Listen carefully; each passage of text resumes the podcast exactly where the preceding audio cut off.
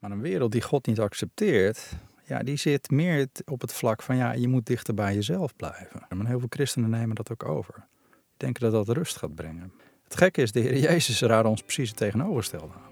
Hij zegt, kom naar mij toe, alle die vermoeid en belast zijn. En ik zal u rust geven. Een podcast voor kerkgangers, kerkverlaters en kerkelozen. Aangebreken.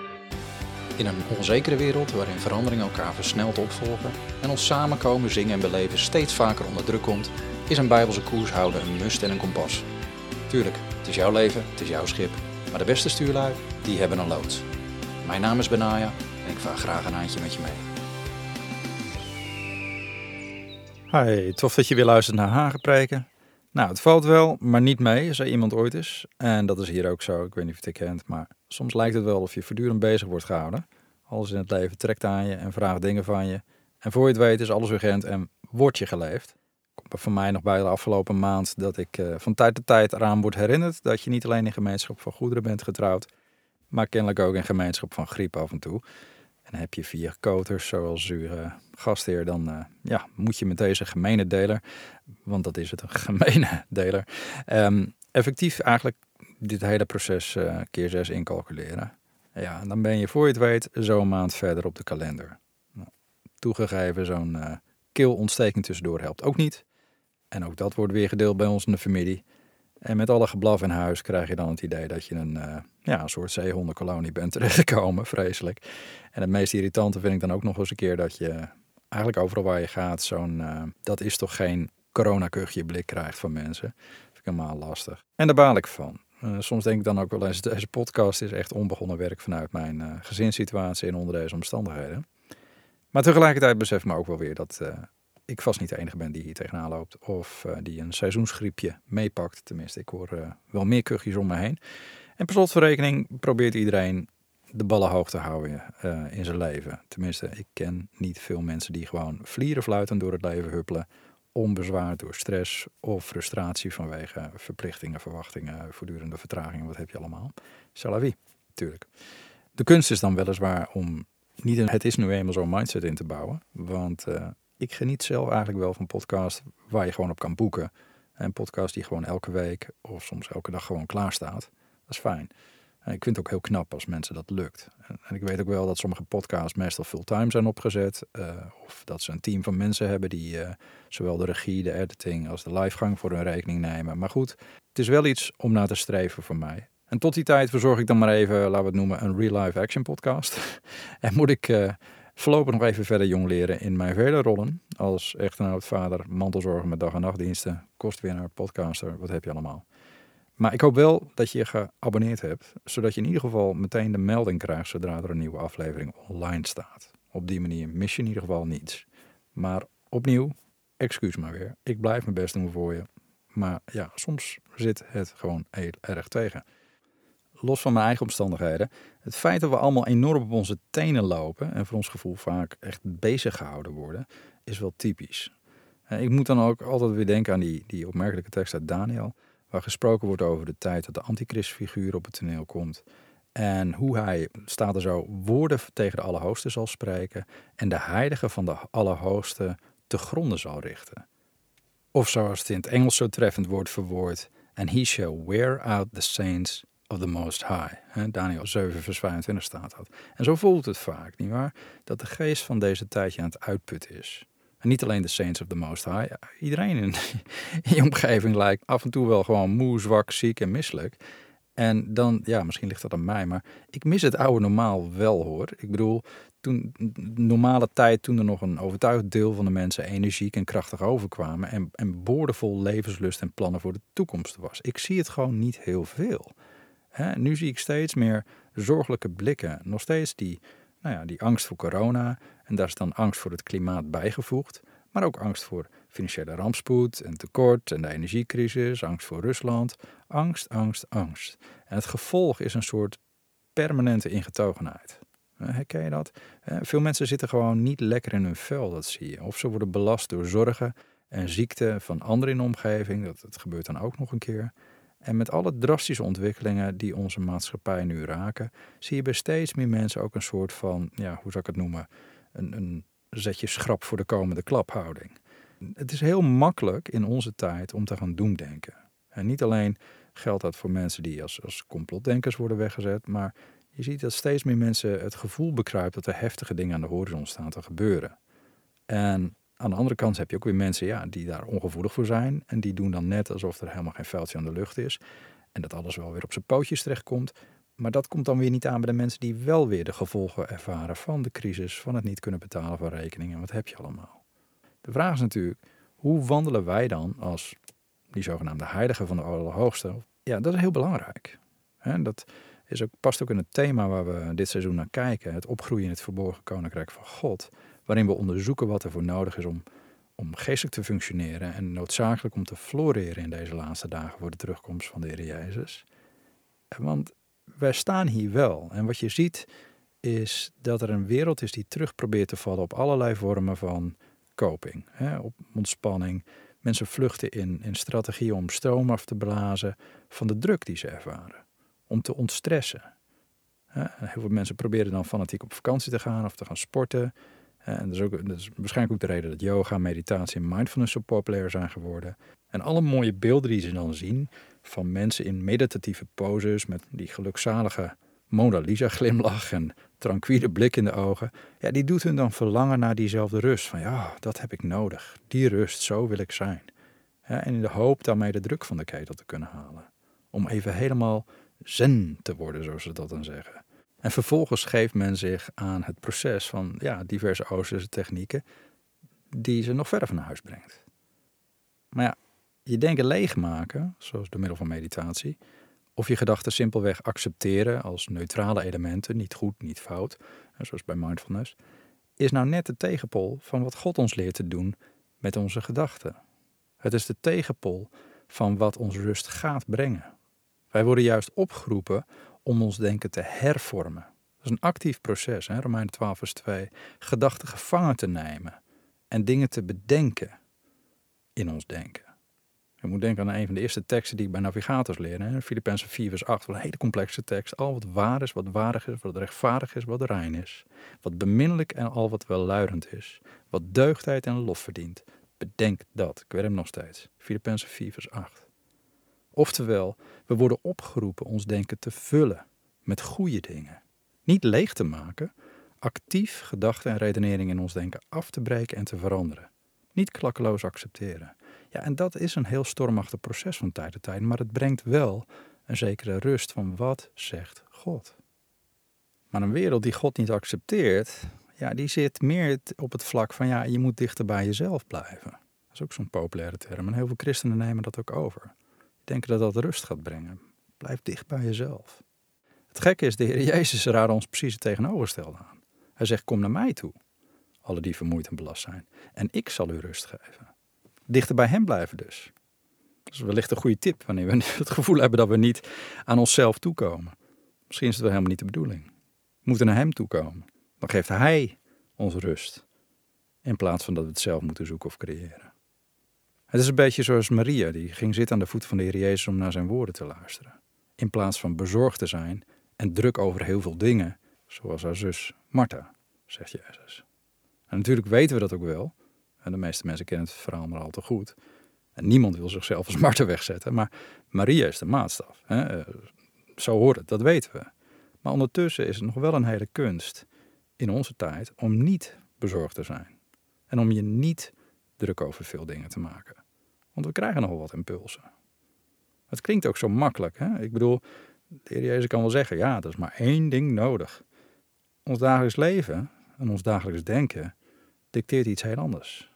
Er is een boel wat moet gebeuren. Er is een boel waaraan we moeten denken en waar we om moeten denken. En hoe kun je dat parkeren? En voor hoe lang kun je het parkeren voordat het onverantwoordelijk wordt? Je houdt je verplichtingen, toch?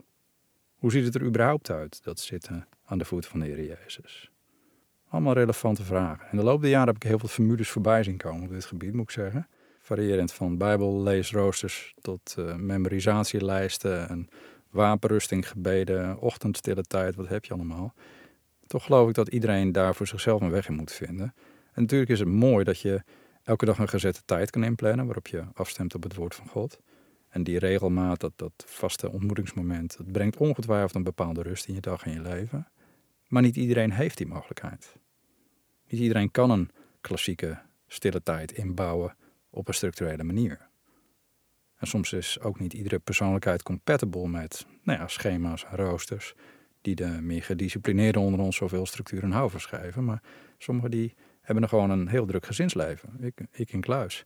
Of hebben veel werkuren die ze moeten draaien. En daardoor moet je wel een ja, wat vloeibarere vorm vinden om dit toch te kunnen doen. Voor mij bijvoorbeeld is het ongestoord zitten zonder dat iemand naar binnen loopt en mijn tijd met God verstoort binnen de vier muren van mijn huis gewoon niet mogelijk. En dat is nog een reden dat ik blij ben dat ik een hond heb. En voor mij wordt het wandelen met God al heel gauw in plaats van zitten bij de voeten van de Heer Jezus. En het voordeel van een hond is, hij moet eruit. Dus ik ga die tijd sowieso weer krijgen. Maar ja, ook dat kan niet iedereen opbrengen, dat snap ik ook. Maar hoe het ook zij, één ding is zeker. Jezus adviseert ons wel om prioriteit te maken om naar hem te luisteren. Juist als je vermoeid en belast bent met heel veel dingen. Juist als je druk hebt. Want alleen bij hem vind je de rust die je zo bitter hard nodig hebt. Want weet je wat dat doet met je? Het is een beetje zoals David het zei in Psalm 131, waar hij zei: uh, Voorwaar, ik heb mijn ziel tot rust en stilte gebracht, als een kind dat de borst ontwend is bij zijn moeder. Mijn ziel is in mij als een kind dat de borst ontwend is. Dat is een beetje oud-Nederlands, maar het is wel een prachtig plaatje. De papa's en mama's onder ons kunnen het herkennen. Het is zo'n klein babytje dat zich nou, net gretig klokkend te goed heeft gedaan aan de moedermelk. En uiteindelijk heerlijk verzadigd en moe van het genieten, half laveloos, blijft liggen tegen moeder aan.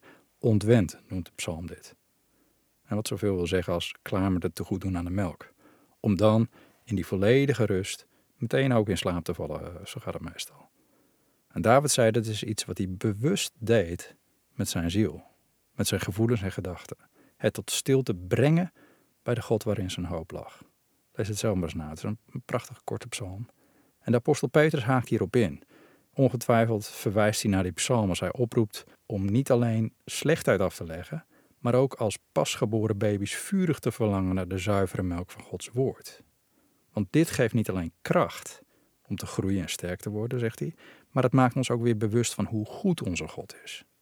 En dat is belangrijk.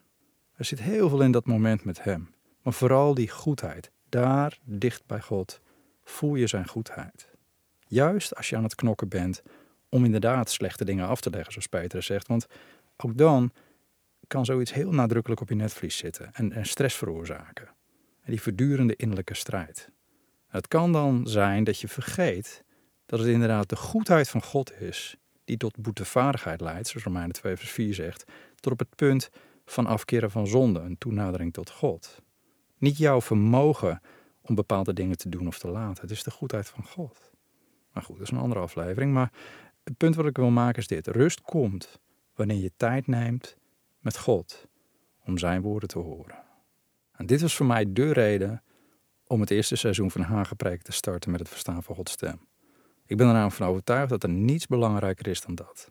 Het horen van zijn stem. En het kunnen onderscheiden hoe onze schepper ons wil leiden in zijn wegen manier van doen. Dat is onbetaalbaar kostbaar. Maar laten we wel wezen, dit is precies wat de Heer Jezus van ons vroeg. Wat hij ook zei tegen zijn discipelen. Volg mij. En aangezien de Heer Jezus niet langer fysiek bij ons is, kunnen we hem alleen maar volgen doordat we zijn stem herkennen. En vervolgens daar voet aan geven. Betekent wel dat je alleen weet welke kant je op moet gaan om bij hem te blijven, als je het geluid van zijn stem leert herkennen. Het lijkt logisch, maar het blijft een beetje een handicap dat je hem helaas niet kan zien, toch? Ik denk dat we er allemaal grondig van balen van tijd tot tijd. Ik bedoel, hoe makkelijk zou het zijn? Nee, hoe mooi zou het zijn om de Heer Jezus letterlijk aan het werk te kunnen zien, te kunnen aanraken. Maar goed, ik snap ook wel dat het beperkingen heeft. En dat is natuurlijk de reden dat de Heilige Geest kwam. Die is alomtegenwoordig. En zodat niemand het mist. Die logica snap ik. Maar het is de Heilige Geest die het mogelijk maakt dat we op het stemgeluid van de Heer kunnen afgaan. Want alleen dat houdt ons op koers. Hij zei: Volg mij. Dan moet je dus luisteren. Waar gaat hij heen? Natuurlijk is het mogelijk om het geschreven woord, het zogenaamde logos, als leidraad te nemen. Daar heb ik vorige aflevering over gehad. Het is absoluut een veilige start voor het volgen van Christus op zijn woord.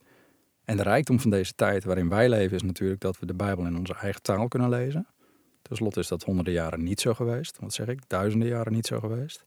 Maar goed, zelfs al heb je een Bijbel in je eigen taal, dan komt nog de vraag: versta je wat je leest? Zoals de apostel Filippus vroeg aan de Ethiopische kamerling. In, dat lees je in handelingen. Want ook de Bijbel komt pas tot leven als God er leven in blaast. Doordat zijn Heilige Geest dingen aan ons openbaart. Pas dan ga je dingen pakken voorbij je natuurlijke begrip. Gewoon omdat zijn levende woorden ons hart raken en onze innerlijke mens versterkt. En er waren tal van fariseeërs die continu het woord bestudeerden, maar het raakte hun hart niet. Het kwam niet tot leven. En eigenlijk kun je dus wel stellen dat tot die tijd je feitelijk doof bent voor de leiding van God in je leven. Om je heel eerlijk te zeggen, ik heb heel lang boek na boek gelezen, kerkdienst na kerkdienst bijgewoond, zonder dat er ook maar voor één punt of één komma in mijn hart landde. Het feit dat je in een christelijk gezin opgroeit, wil namelijk niet zeggen dat je het woord zich ook wortelt in je hart. En menig cabaretier is daar het levende voorbeeld van. En zo weet ik nog dat bijvoorbeeld dat mijn zus Stefanie al, al heel vroeg met dingen van God bezig was. En die leefde gewoon in die realiteit. Ze zong, ze las de Bijbel, was actief op de tienergroep. En ik daarentegen was in mijn jeugd druk met hele andere dingen. En mijn horizon was gevuld met surfen, met, met, met stripboeken en muziek. En bovendien had ik een vriendinnetje die veel meer hartsruimte in beslag nam dan God ooit kreeg in die tijd. Natuurlijk ging ik ook wel mee naar dezelfde christelijke tienergroep als mijn zus. En met mijn ouders naar de kerk. En soms meerdere keren per zondag zelfs, als mijn vriendjes smiddags ook nog eens een keer moesten gaan. Maar Gods stem verstaan, dat kwam niet eens in me op. Het was pas op de zendingsconferentie Mission 90 dat bij mij het licht aanging. Ik werd er destijds heen gestuurd door mijn vader, omdat mijn vriendinnetje het had uitgemaakt. En ik leed nogal aan een uh, heftig gevalletje luddeverdus, zoals we dat toen nog noemden. En hij vond dat ik wel wat afleiding kon gebruiken. Niet dat hij kon voorzien wat dit zou veroorzaken in mijn leven. Hij zei simpelweg: Ik wil niet de hele kerstvakantie tegen jouw zure gezicht aankijken. Je gaat maar lekker naar die conferentie, waar je vrienden ook heen gaan. Het is internationaal, goed voor je contact en ontwikkeling. Hup. En voor ik het wist, zat ik midden tussen duizenden jonge mensen in Utrecht, vanuit heel Europa, die maar één hartekreet hadden. Waar wil God dat ik heen ga om van zijn liefde te vertellen? Waarheen moet ik hem volgen? Voor het eerst in mijn leven vroeg ik mezelf af: wat wil ik eigenlijk met God? En hoe weet ik wat hij van me vraagt? En dat was het moment dat ik besloot om het roer radicaal de andere kant op te gooien. Om God niet langer te beschouwen als een aanvulling of een element in mijn leven, maar om hem de hele navigatie van mijn leven zich in handen te geven. En dat had nogal wat gevolgen. Vanaf dat moment zag ik mezelf niet langer als de kapitein van mijn eigen schip, maar simpelweg als de stuurman. Onder het bevel van iemand die hoger was dan mezelf. Ik had nog niet door hoe reëel die aansturing zou kunnen worden. Laat staan dat ik al begreep hoe hij tot mij zou kunnen spreken. Maar het mooie is, God werkt altijd via ons hart naar ons hoofd. De basis voor het verstaan van Gods stem is dat je eerst die keuze maakt met je hart om Hem te willen begrijpen. En dat vernieuwen van denken, dat is uiteraard een levenslang proces, maar een verandering van hart is een kwestie van bekering. Pas dan kan je beginnen om met regelmaat te verstaan wat hij tot je wil zeggen. En als je die keuze hebt gemaakt, ja, dan kun je met behulp van iemand die wegwijs maakt, dat heet discipelschap, leren hoe God spreekt. En dat kan ook rechtstreeks, doordat de Heilige Geest van God een woord spreekt tot jouw geest. En dat lees je bijvoorbeeld heel vaak in het Oude Testament ook. Hè? Het woord van de Heer kwam tot nou, Salomo, David, weet ik veel. Het, het staat er meer dan 160 keer. Dat het woord van de Heer kwam tot. Alleen daaruit kun je al opmaken dat God ook verlangt om met ons te spreken. Hij komt tot ons. En net zoals de Heer Jezus zowel tot Maria en Martha kwam, tot in hun huis. Het is aan ons om dat laatste te overbruggen. En de keuze om zijn aanwezigheid prioriteit te geven. Meer dan onze dagelijkse beslommeringen. Enfin, hoe dan ook, deze directe leiding van God, dit spreken in ons leven, is dus gewenst, ook door de Heere God, en we hebben het nodig. Het is gewoon heel hard nodig, want Gods woorden brengen namelijk het broodnodige leven in ons sterfelijk bestaan. Niet alleen zijn opgetekende woord, het logos, maar ook het geopenbaarde woord. Het rema, wat de Bijbel zegt in het Grieks heet dat rema, geopenbaarde woord. Want dit geeft ons hoop in een specifieke situatie. En die hoop doet er niet alleen leven, die hoop doet ook geloven in de omstandigheden waar we in ons bevinden. En daar hebben we natuurlijk al een aantal afleveringen over gehad. En ik wil niet te veel in herhaling vallen. Maar om nog eens in herinnering te brengen, de Bijbel vertelt ons dat geloof is de zekerheid, de vaste grond van de dingen die men hoopt. En het bewijs van de zaken die men niet ziet. En die hoop, waaruit geloof zijn zekerheid ontleent, resoneert kennelijk met de klank van Gods stem. Want de Bijbel zegt ook, geloof komt uit het horen en het horen komt uit het woord van God, Romeinen 10 vers 17. Met andere woorden, krijg je eenmaal zo'n moment van openbaring, het moment dat zijn woord tot je innerlijke mens doordringt, dan heb je daarmee ook de bevestiging en een richting om uit te stappen in geloof. Dan kun je gehoor gaan geven aan het volg mij wat Jezus ons opdroeg. Kort gezegd, hopen we net als een koning David op Gods woord, zoals de psalm zegt, dan kan geloof in ons hart ontstaan op het moment dat we zo'n woord horen. En dat geeft ons dan de vrijmoedigheid om uit te stappen in wat hij van ons vraagt. Nou heb ik natuurlijk een heel seizoen gewijd aan hoe God kan spreken tot ons, dus dat ga ik niet opnieuw doen. Maar in het kader van het thema van dit seizoen, waarin we kijken wat er voor nodig is om op te groeien in het verborgen koninkrijk van God, zoom ik even specifiek in op wat zijn woord doet met ons geloof. Want het mooie is, je hebt niet veel woorden van God nodig om je geloof te activeren. Natuurlijk weet iedereen dat een goed verstaande maar een halve woord nodig heeft, maar onze God spreekt gelukkig geen halve woorden. En toch kan het wel zo zijn dat hij heel erg beknopt blijft. Niet dat dit minder impact heeft op je leven, en we leven tenslotte van elk woord dat uit Gods mond komt, zegt de Bijbel. Dus geen van Gods woorden keert sowieso terug zonder dat het effect heeft gehad. Maar onderschat niet wat slechts één woord van God kan veroorzaken in je leven.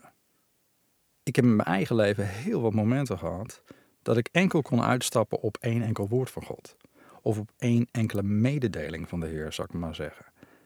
Sommige dingen die ik zelfs op dit moment meemaak, kan ik alleen maar dragen en doorstaan vanwege bepaalde woorden van God die Hij sprak in het verleden en die nog steeds scheppingskracht hebben en draagkracht geven in het nu.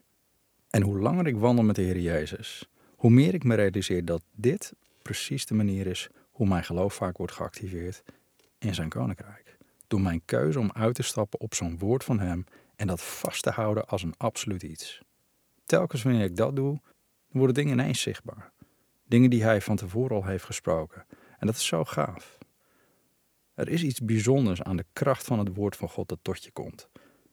Al is het maar één woord. Om je een voorbeeld te noemen, en ik heb hiervan getuigd ook bij Family 7 laatst.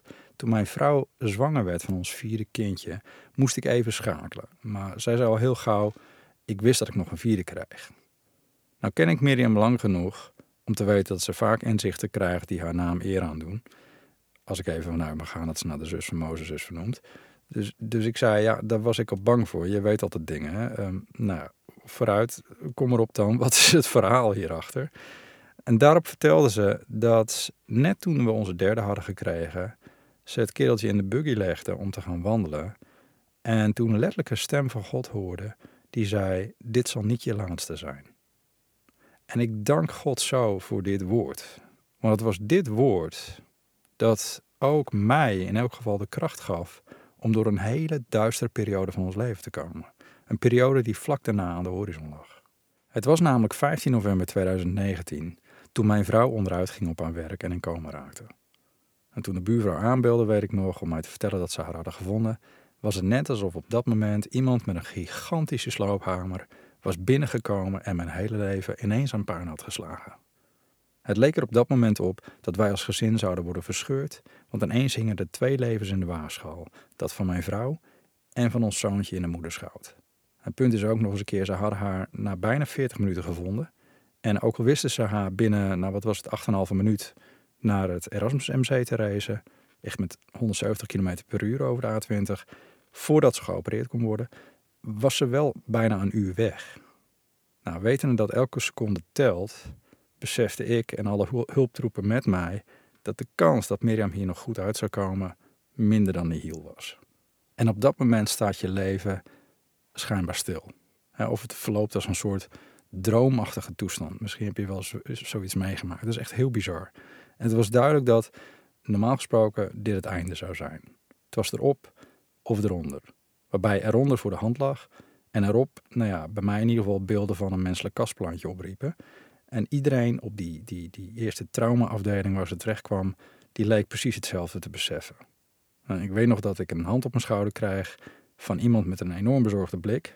Terwijl een andere persoon in een witte jas mij kort toesprak en zei van ja, we gaan er alles aan doen om haar in leven te houden. Maar ja, ik keek hem aan en je zag al die mededeling. Ja, er zat niet heel veel overtuigingskracht in. Het gaf gewoon snoeihard de ernst van de situatie aan. Het lag gewoon randje dood. Het enige wat ik toen nog kon uitbrengen was, ze is zwanger. En de man in die witte jas, een dokter, die, die, die zei, ja, dat weten we. En hij aarzelde even en zei, ja, dat klinkt heel rot. Uh, en toch moet ik u dit wel zeggen.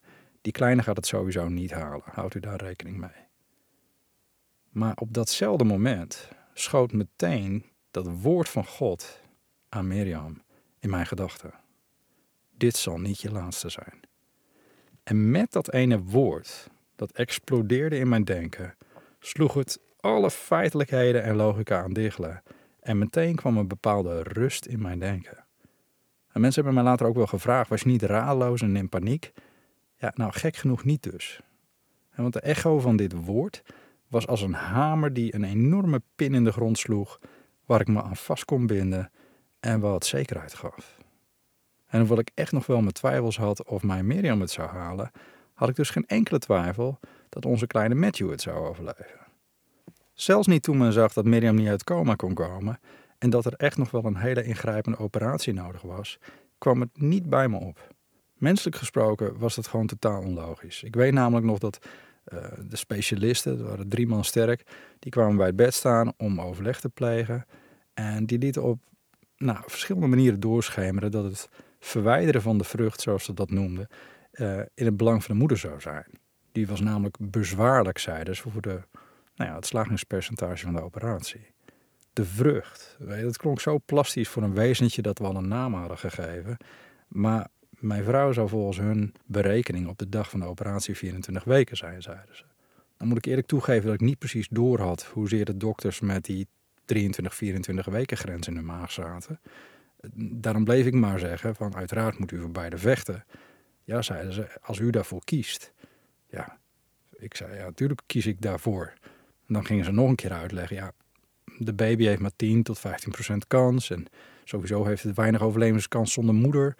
En het is belastend. Het slagingspercentage van de operatie leek gewoon te staan of te vallen met het verwijderen van die baby. Maar dat ene woord van God, dat bleef dominant aanwezig. Het bleef me bij. En gek genoeg was het een woord wat niet eens tot mij persoonlijk was gesproken. Maar het was wel een woord waarvan ik wist dat het een belofte van trouw was van onze liefhebbende vader. En uiteindelijk gingen ze natuurlijk akkoord om voor beide levens te knokken. En achteraf is dat heel bizar dat je op dat moment feitelijk twee levens in je hand had en gevraagd werd om te kiezen. Het was pas een halve dag later, toen ik alleen was in de, nou wat had je, dat noemen ze geloof ik een familiekamer, dat het echt op me doordrong dat ze mij diverse keren actief hadden proberen over te halen om, om de baby te aborteren. Ja, en dat is niet te geloven als ik nu onze kleine man zie spelen, zo gezond als een vis, maar dat was wel de realiteit van toen. Nou, om kort te gaan, beide hebben het overleefd, godzijdank. Hoewel mijn vrouw menselijkerwijs nog een behoorlijke geloofsuitdaging heeft overgehouden aan dit hoofdstuk in ons leven. En dan zeg ik het nog heel mild en voorzichtig. Maar ook wat dat betreft zijn we nog niet uitgeloofd, als ik het zo kan zeggen. Eh, we weten alleen niet als mens hoe lang het duurt voordat ons vertrouwen in God wordt beloond. En misschien is dat wel de grootste uitdaging. Vertrouwen blijven geloven dat God bij machten is om boven natuurlijk te werken in ons leven en te blijven werken, zelfs als je geen woord hebt ontvangen. Of beter nog, de uitdaging is om ons te blijven uitstrekken in het hier en nu naar een woord van Hem. Het is een beetje zoals de centurion zei tegen de Heer Jezus toen hij bij hem kwam omdat zijn dienstknecht ziek was. En Jezus eigenlijk van goede wil was om met hem mee te gaan naar huis. Met een heidense bezetter van het volk Israël notabene. En toen zei de man, en dat lees je in Matthäus 8, Heer, ik ben het niet waard dat u onder mijn dak komt, maar spreek slechts één woord en mijn knecht zal genezen zijn. En hij verwees naar het feit dat hij uh, ja, gezag had en tegen mensen zeiden, kom, en dan kwamen ze en tegen een dienaar zei, doe dit en hij doet het. En zei, zo bent u ook. En Jezus verwonderde zich erover. Zei, wat een groot geloof. Heb ik zelfs in Israël niet gevonden. Maar deze man wist, ik heb maar één woord nodig. Wat, wat u beveelt, dat gebeurt.